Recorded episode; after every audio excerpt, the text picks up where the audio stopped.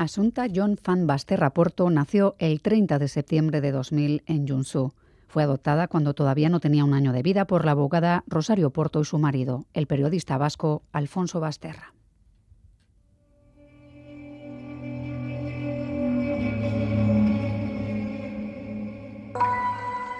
Asunta creció en Santiago como una niña de altas capacidades. Iba a clases de música y ballet, destacaba en clase. De hecho, llegó a saltarse un curso y era una virtuosa del violín, salvo en los últimos días, en los que sus profesoras notaban como la niña brillante que jamás fallaba una nota parecía confusa.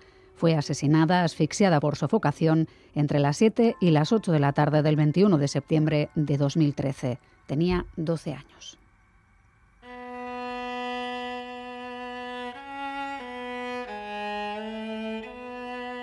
Su cuerpo aparecía al día siguiente en un camino forestal a las afueras de Teo, a unos 5 kilómetros de un chalet propiedad de la familia. Estaba atada con unas cuerdas, unas cuerdas Mayel Galparsoro que se convirtieron en un elemento clave en la condena. El crimen de Asunta conmocionó a la sociedad gallega, sobre todo cuando sus padres fueron condenados por el crimen y enviados a prisión. El jurado, por unanimidad, encuentra al acusado Rosario Porto Ortega culpable del hecho delictivo de haber dado muerte a Asunta Basterra Porto sin posibilidad de defenderse. Igualmente, el jurado, por unanimidad, encuentra al acusado Alfonso Basterra Camporro culpable del hecho delictivo de haber dado muerte a Asunta Basterra Porto sin posibilidad de defenderse. Ambos culpables de asesinato y condenados a 18 años de cárcel. El jurado consideró probado que tanto Basterra como Porto suministraron de común acuerdo y repetidamente a Asunta, durante al menos tres meses antes de su muerte, un medicamento que contenía lorazepam.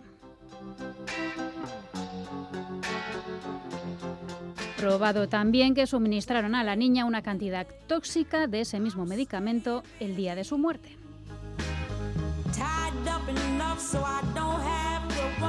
Y probado también que los acusados asfixiaron hasta la muerte a su hija atada de pies y manos sin poder defenderse.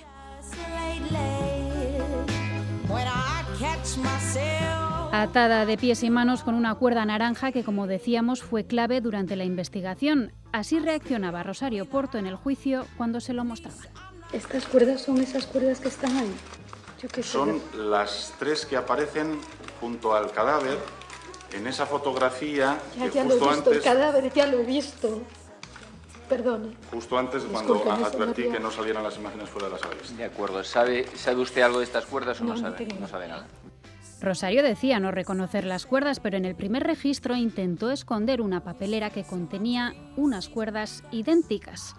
Un guardia civil la pilló, ante lo que se puso muy nerviosa. Durante el juicio mantuvo una actitud muy diferente el padre, Alfonso Basterra, aparentemente tranquilo y seguro en sus palabras, aunque no en su discurso, porque caería en varias contradicciones. Esta vez, el día 17, retiró de la misma farmacia otros 25 comprimidos. Le respondo igual que antes, sí. Sin saber si eran 25, 50 u 82. Y quedó demostrado en el juicio que Basterra compró 125 comprimidos en tan solo un mes. Una cantidad exagerada teniendo en cuenta que su mujer declaró haber tomado algún que otro orfidal suelto. ¿Tiene usted alguna explicación para la diferencia que hay entre algún orfidal suelto y estos 125 comprimidos de julio. Y más contradicciones. Cuando Asunta faltó al instituto por estar mareada, Basterra declaró que la niña pasó la noche anterior con su madre y que él no la vio hasta la hora de comer. Eh, entonces, ¿nos puede ubicar esta explicación que da usted a Charo en este momento, que es usted el que le dice que Asunta está cada vez mejor? Pero un WhatsApp demuestra que miente, igual que lo hizo con el ordenador. El día que apareció el cadáver de Asunta, el portátil no estaba en la entrada de la casa, pero semanas después, en otro registro, allí apareció. Usted sostiene que ya estaba de antes y lo que pasó es que los guardias no lo vieron. Lo sostengo, lo afirmo y lo reafirmo cuantas veces sea. Contradicciones, mentiras y hechos que les condenaron, aunque lo que nunca se supo fue el por qué. ¿Por qué matar a Asunta? La respuesta solo la podría tener ya él. Basterra saldrá en principio de la cárcel en 2025 Rosario Porto se quitó la vida hace dos años en la cárcel de Briva. Soy Miriam Duque, la encargada de abriros esta Gambara Negra, un podcast de crónica negra en el que hacemos que ciencia, especialistas y pruebas abren más que nosotros para recomponer la actualidad y tratar de entender la mente de quienes se escoran al lado oscuro. Asunta tendría 21 años y Alfonso podría salir de prisión en 2025. Nos acompaña el periodista Surso Melchor de La Voz de Galicia. Surso, ¿qué tal? ¿Cómo estás? ¿Qué tal? Un crimen que supuso un gran sobresalto para la sociedad gallega tras un juicio sumamente mediático por diferentes factores, desde las declaraciones de los padres hasta el propio juez.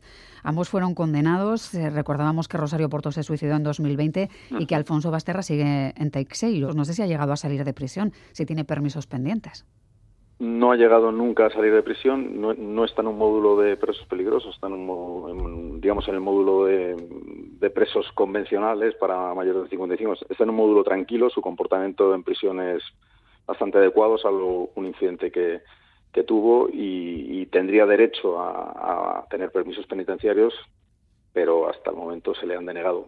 Al cumplir la mitad de la condena, esos rechazos que por ahora ha hecho la prisión pues cada vez están menos justificados y, se abre la posibilidad de que tenga permisos de fin de semana. Otra cosa ya es a que le concedan el tercer grado que tendrá que avanzar un poco más en el cumplimiento de su condena.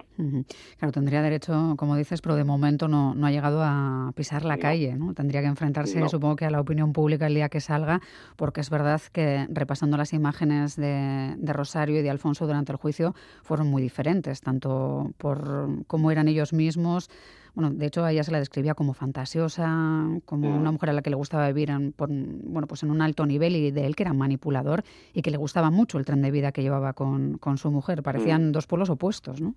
Sí, desde luego no veo a Alfonso Basterra paseándose por las calles de Santiago cuando, cuando salga de prisión, y algún día saldrá, no lo veo. Me imagino que, que él, él regresará al País Vasco, que es donde puede mantener algún vínculo familiar eh, y sí veía y de alguna manera era lo, lo que yo imaginaba que iba a suceder a, Rosario Porto paseando por las calles de Santiago, tomando café en el casino y manteniendo hasta el día de su muerte que ella no asesinó a su hija, como, como efectivamente hizo.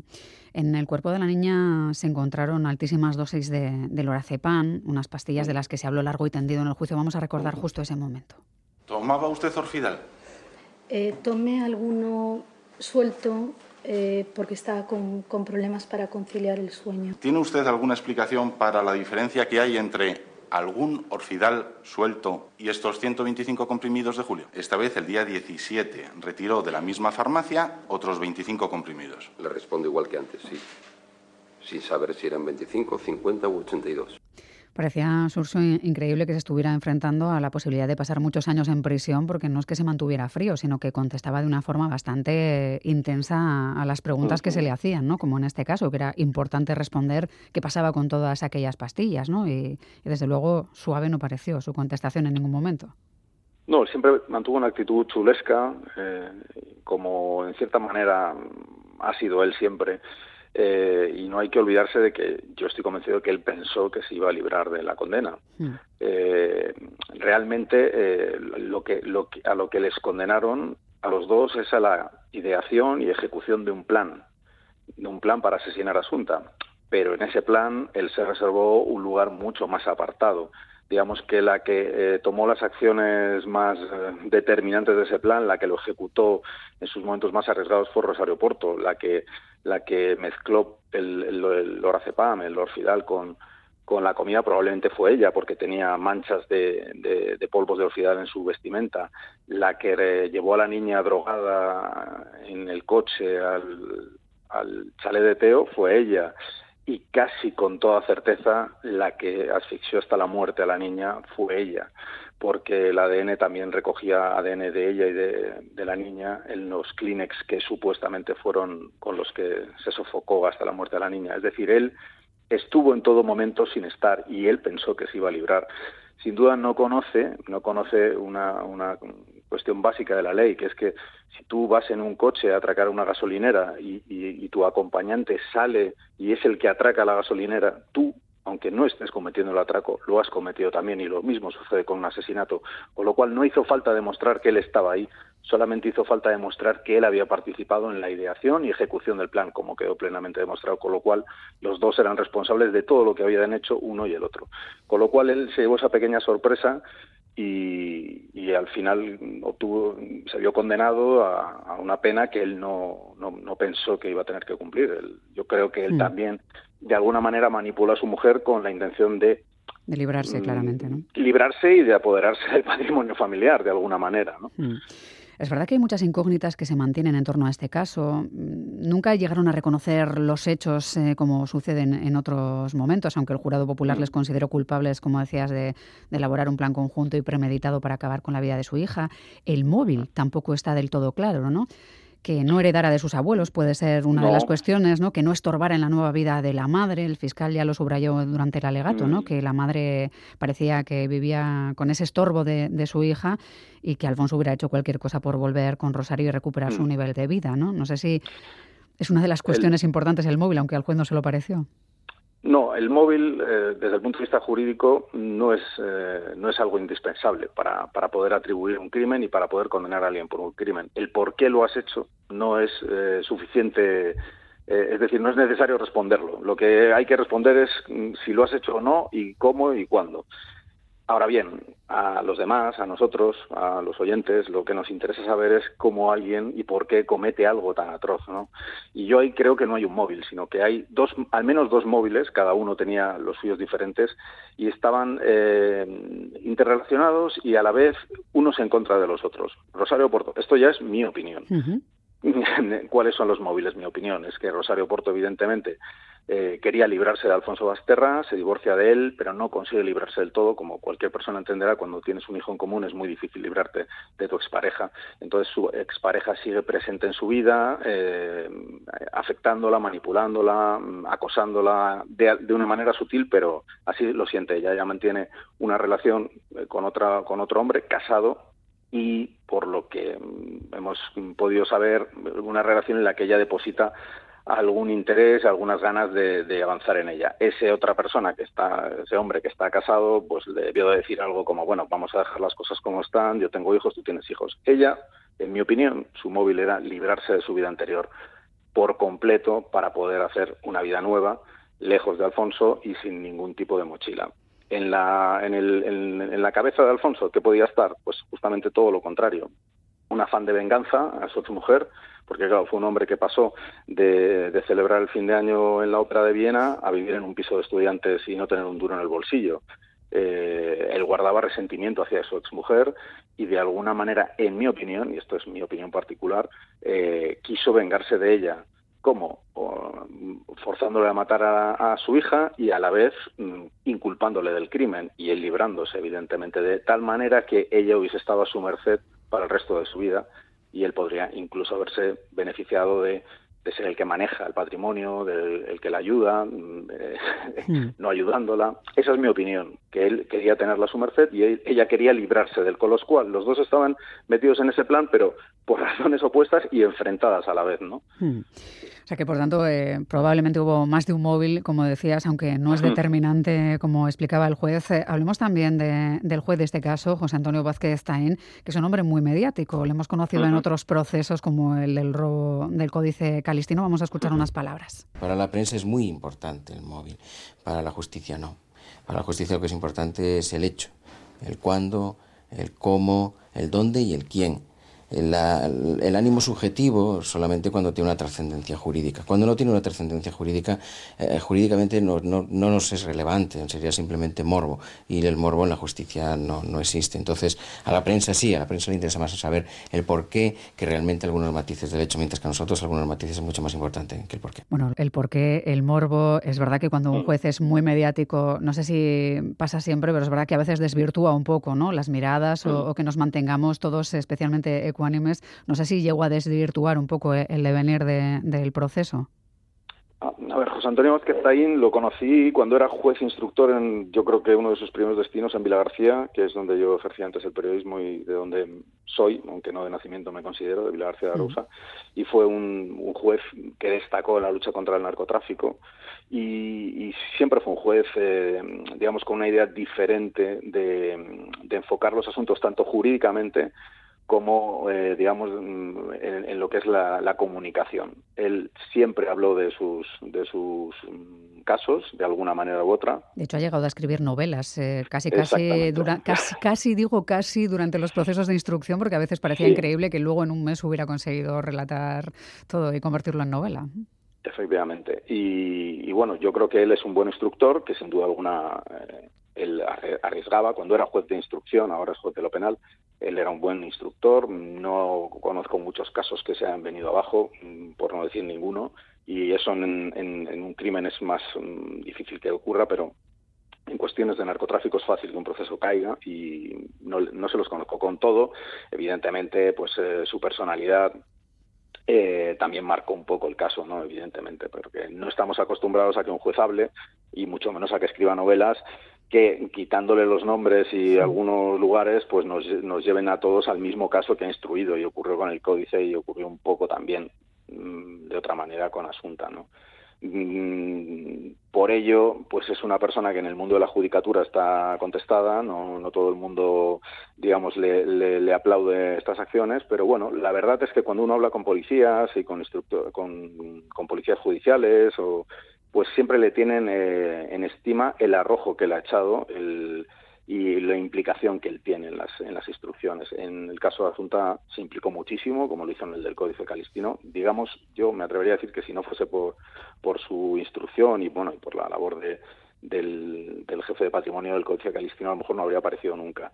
Y este caso eh, parecía más fácil de resolver de lo que era pero pero bueno él tuvo también una investigación firme y, y al final pues él se llevó el gato al agua no hmm. y, y, consiguió culpar a, inculpar a los dos y acusar a los dos y condenar a los dos que digamos digamos esto que quede claro también se libraron de la prisión permanente revisable porque todavía no ha entrado en vigor hoy en día ni Rosario Porto ni Alfonso Basterra saldrían jamás de prisión porque hmm. habrían sido condenados a prisión permanente revisable no a 18 años Alfonso va a quedar libre precisamente por esto que mencionas, porque no se les pudo aplicar la, revisable en cuestión de, muy pocos años. Eh, ¿Quién heredará el dinero de, su exmujer? Sabemos que los padres de Rosario murieron, pero antes, bueno, podríamos hablar de cómo murieron, porque también, claro, luego una sospecha de todo, pero donaron en vida muchos bienes a la niña, a, esa niña que luego acabaron asesinando. ¿El dinero de los Porto tiene herederos o será Alfonso quien se lo acabe llevando todo? Mm. Puede que en 2025 no, pero en 2026. No, no. Eh, una vez que falleció Rosario Porto, se abrió su testamento y exactamente Alfonso Basterra le dejó cero euros, cero bienes. Sus bienes fueron repartidos prácticamente en, su totalidad, se los, ha heredado una persona que no es de la familia, pero que es la única, es una ex profesora de Universidad de Urense, que era amiga de la familia, y fue la única que de alguna manera mantuvo algún contacto con ella cuando estaba en la cárcel y le dio algún apoyo. Eh, y algunos bienes suyos, obras de arte, fueron para su, su abogado defensor, eh, José eh, Gutiérrez Anamuren, eh, que también mantuvo con ella una relación mucho más allá de, cliente cliente abogado y llegó a ser mm, su gran apoyo, ¿no? Y, yo creo que por eso le quiso tener ese detalle con él. Pero Alfonso Basterra no va a heredar ni un, ni un duro, no lo ha heredado ya, esa, esa, esa herencia está, está ejecutada y sinceramente no sé qué va a hacer para ganarse la mm. vida porque tampoco creo que tuviera, tuviera ahorros. Tendrá que volver al País Vasco probablemente y, tener que volver a construir su vida desde el principio. No va a ser fácil. ¿no? Exactamente. Mm. No va a ser fácil. No le queda tampoco para salir porque él acaba de cumplir la mitad de su condena, eh, que son 18 años, acaba de cumplir nueve en prisión bueno, aún, le quedan, le quedan años y podría llegar a cumplirla entera, ¿no? Eh, ya digo, esto, esto de, de cuándo se sale de prisión depende, es un poco arbitrario, depende de las juntas de tratamiento, eh, de, las prisiones y bueno, es un poco arbitrario. En su caso hay que entender que al que tiene que tomar la decisión de darle un permiso o de en su día darle el tercer grado, pues el caso le rechine porque han pasado nueve años, seguimos hablando de ello y cada vez que escucho eh, pues las, las cosas, las, los, los, documentos que habéis ido poniendo me siguen dando escalofríos y llevo 28 años ejerciendo el periodismo. No hay casi nada que me produzca escalofríos hoy en día, salvo este caso. Un caso que es triste desde principio hasta su final, para la niña sobre todo, para el final de Rosario Porto, que fue enterrada en Santiago ante bueno, pues apenas una docena de personas tras suicidarse. Mm. En fin, que la historia es triste y continuará cuando Alfonso Basterra salga de prisión. Estaremos en contacto. Surso Melchor de la Voz de Galicia, muchísimas gracias y esperemos que hasta la próxima. Muchísimas gracias a vosotros y nada, hasta la próxima, cuando queráis. Cuídate, gracias. Un abrazo. Saludamos también a Carlos Basas, él es escritor especializado en novela negra. Carlos, ¿qué tal? ¿Cómo estás? Hola, muy bien, ¿qué tal vosotros? Pues bien, con ganas de, charlar. Este, este caso tiene bueno, pues todos los elementos o todos los ingredientes que, se necesitan para escribir una novela. No me extraña que algunos jueces se inspirasen. También me acompaña Iñaki Rusta, más de 30 años, jefe de la Policía Científica de la Archancha. ¿Qué tal, Iñaki? Muy bien, Miriam. Bueno, estamos ah, ante una historia en la que no había un móvil exacto, había varios, como bien decía Surso, asesinan a una niña tras eh, hacer que tome decenas de lorazepanes. Ya estaba separada en este momento, tenía otra pareja, le estorbaba todo, Carlos. Eh, entiendo que es muy, muy de novela, pero es muy complicado también de entender a veces cómo se llega a una decisión así de extrema, ¿no? Bueno, eh, yo establecería una, una diferencia que para mí es importante, eh, para, para, la ley no, como ya hemos oído, el móvil no es necesario, pero eh, dentro de lo que sería el análisis de conducta, la criminología o incluso a mí como escritor, eh, hay que establecer una diferencia entre dos cosas. Una es la motivación y la otra es el móvil. Mm, casi nunca se hace esa diferencia, pero es, es, es relevante la motivación sería la causa por la que se mata y el móvil el fin. Y no siempre van a la par. Es decir, puede haber un caso, eh, siempre hay motivación para matar, pero a veces no hay móvil. Lo que no hay nunca es un móvil sin motivación. Y esa es la parte que a mí me parece más interesante, porque no encuentro ni una motivación ni un móvil claro en este caso. Y es lo que más eh, me chirría cuando trato de eh, analizar la situación, ¿no? Iñaki, tú también has eh, tenido muchos casos en tu vida profesional. No sé si este es especialmente complicado de entender, como decía el propio Surso, ¿no? que bueno, vas siguiendo muchos casos eh, en tu vida profesional, pero hay veces que es complicado escuchar las declaraciones de ambos. Cuesta entender también ¿no? que, alguien sea capaz de dejarse convencer para, para ser la que hace todo lo, lo, más complejo, matar a tu hija, darle presuntamente los lorazepanes, acabar con ella y dejar que otro se beneficie de, de ello sin implicarse tanto, sin mancharse las manos, ¿no? Bueno, como bien dice Carlos, no existe un móvil. Yo la verdad es que le he dado muchas vueltas a este caso. Eh, con respecto a lo que dices que alguien se deje pues manipular o llevar eh, de alguna manera, eh, sí se han dado casos, sí se han dado mm. casos y, y, los he conocido. Pero es que este, este caso es muy extraño, porque por muchas vueltas que le des, como decía el periodista, que puede haber un móvil, y, o, en este caso dos, según él, pues la verdad es que, que, es complejo, es complejo, ¿no? Es complejo de porque se podrían hacer las cosas de otra manera para lograr el objetivo, cada uno por su parte, pero de una manera diferente, porque eh, desde todos los ámbitos yo creo que es un poco chapuza, porque como él pensaba que se iba a quedar libre, pues de alguna manera incriminando de manera directa a su mujer o su mujer, pero y la figura del cooperador necesario, que al final tiene la misma pena, eso lo había dejado de lado, ¿eh? hmm. como también ha dicho el periodista.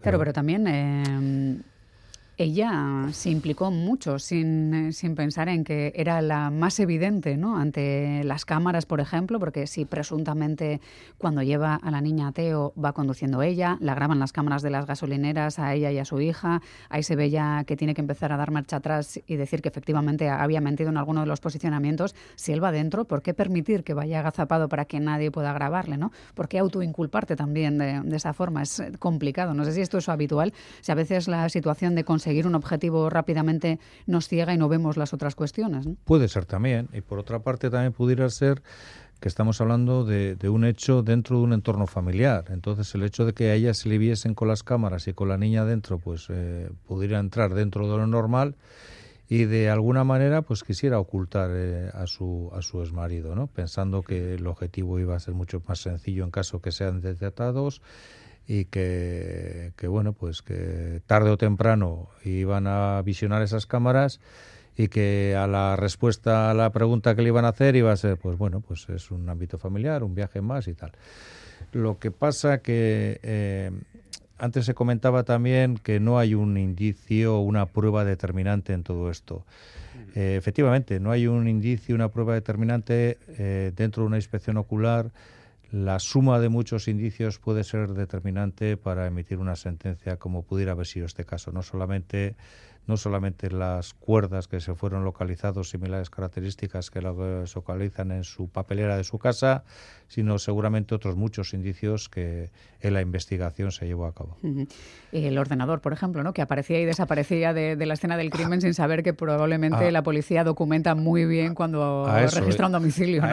Dentro de una inspección ocular se queda muy bien registrado toda la plasmación de los informes fotográficos, hoy en día eh, con otras técnicas mucho más avanzadas, eh, asimismo con el tema del vídeo y con fotografías parciales generales y detalles de todas aquellas evidencias que pueden ser importantes para la investigación y ese ordenador pues aparecía desaparecía por arte de magia. ¿eh? Eh, por mucho que él dijera que ese ordenador estaba allí, las pruebas son evidentes. En las fotografías y los vídeos hoy en día incluso lo tendría bastante más complejo, como hace la grabación de todo un escenario en 3D. Por lo tanto, pues... Es que os da por hacer bien lo de ¿eh? documentar las escenas del crimen y que, así no se puede luego dejar cosas. Es clave para el tema de la cadena de custodia posterior.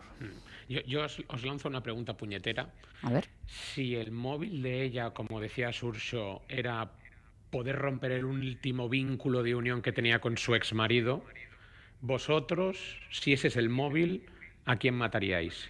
¿A vuestra propia hija o a vuestro ex marido? Chin, chin, chin,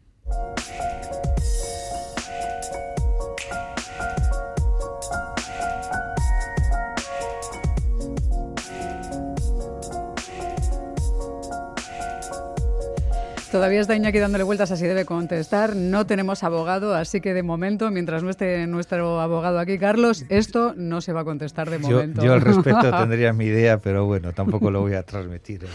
bueno, en, tu, en tu, carrera, Iñaki, has visto todo tipo de escenas. Entiendo que los parricidios son especialmente dolorosos. Encontrábamos ciertas similitudes con el caso de esa investigación que se desarrolló en un caserío de Azpeitia, si no me equivoco, fue en el verano de 2019. Las primeras investigaciones apuntaban a la madre como autora de la muerte de, un menor que acabó bueno, pues confesando y lo había ahogado en, la bañera, aunque en este caso estaríamos hablando de una persona con claros problemas psiquiátricos, ¿no?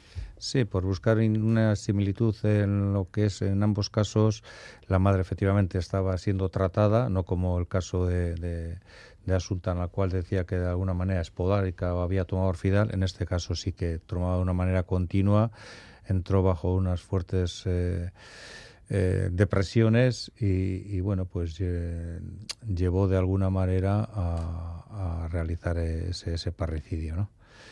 Asimismo, luego en la hora de la condena es diferente, es totalmente Se diferente. además en un hospital, hospital psiquiátrico con un seguimiento distinto. No tiene nada que ver un centro penitenciario de un hecho criminal de un asesinato como un eh, parricidio eh, con todos los atenuantes que de alguna manera pudiera tener la madre.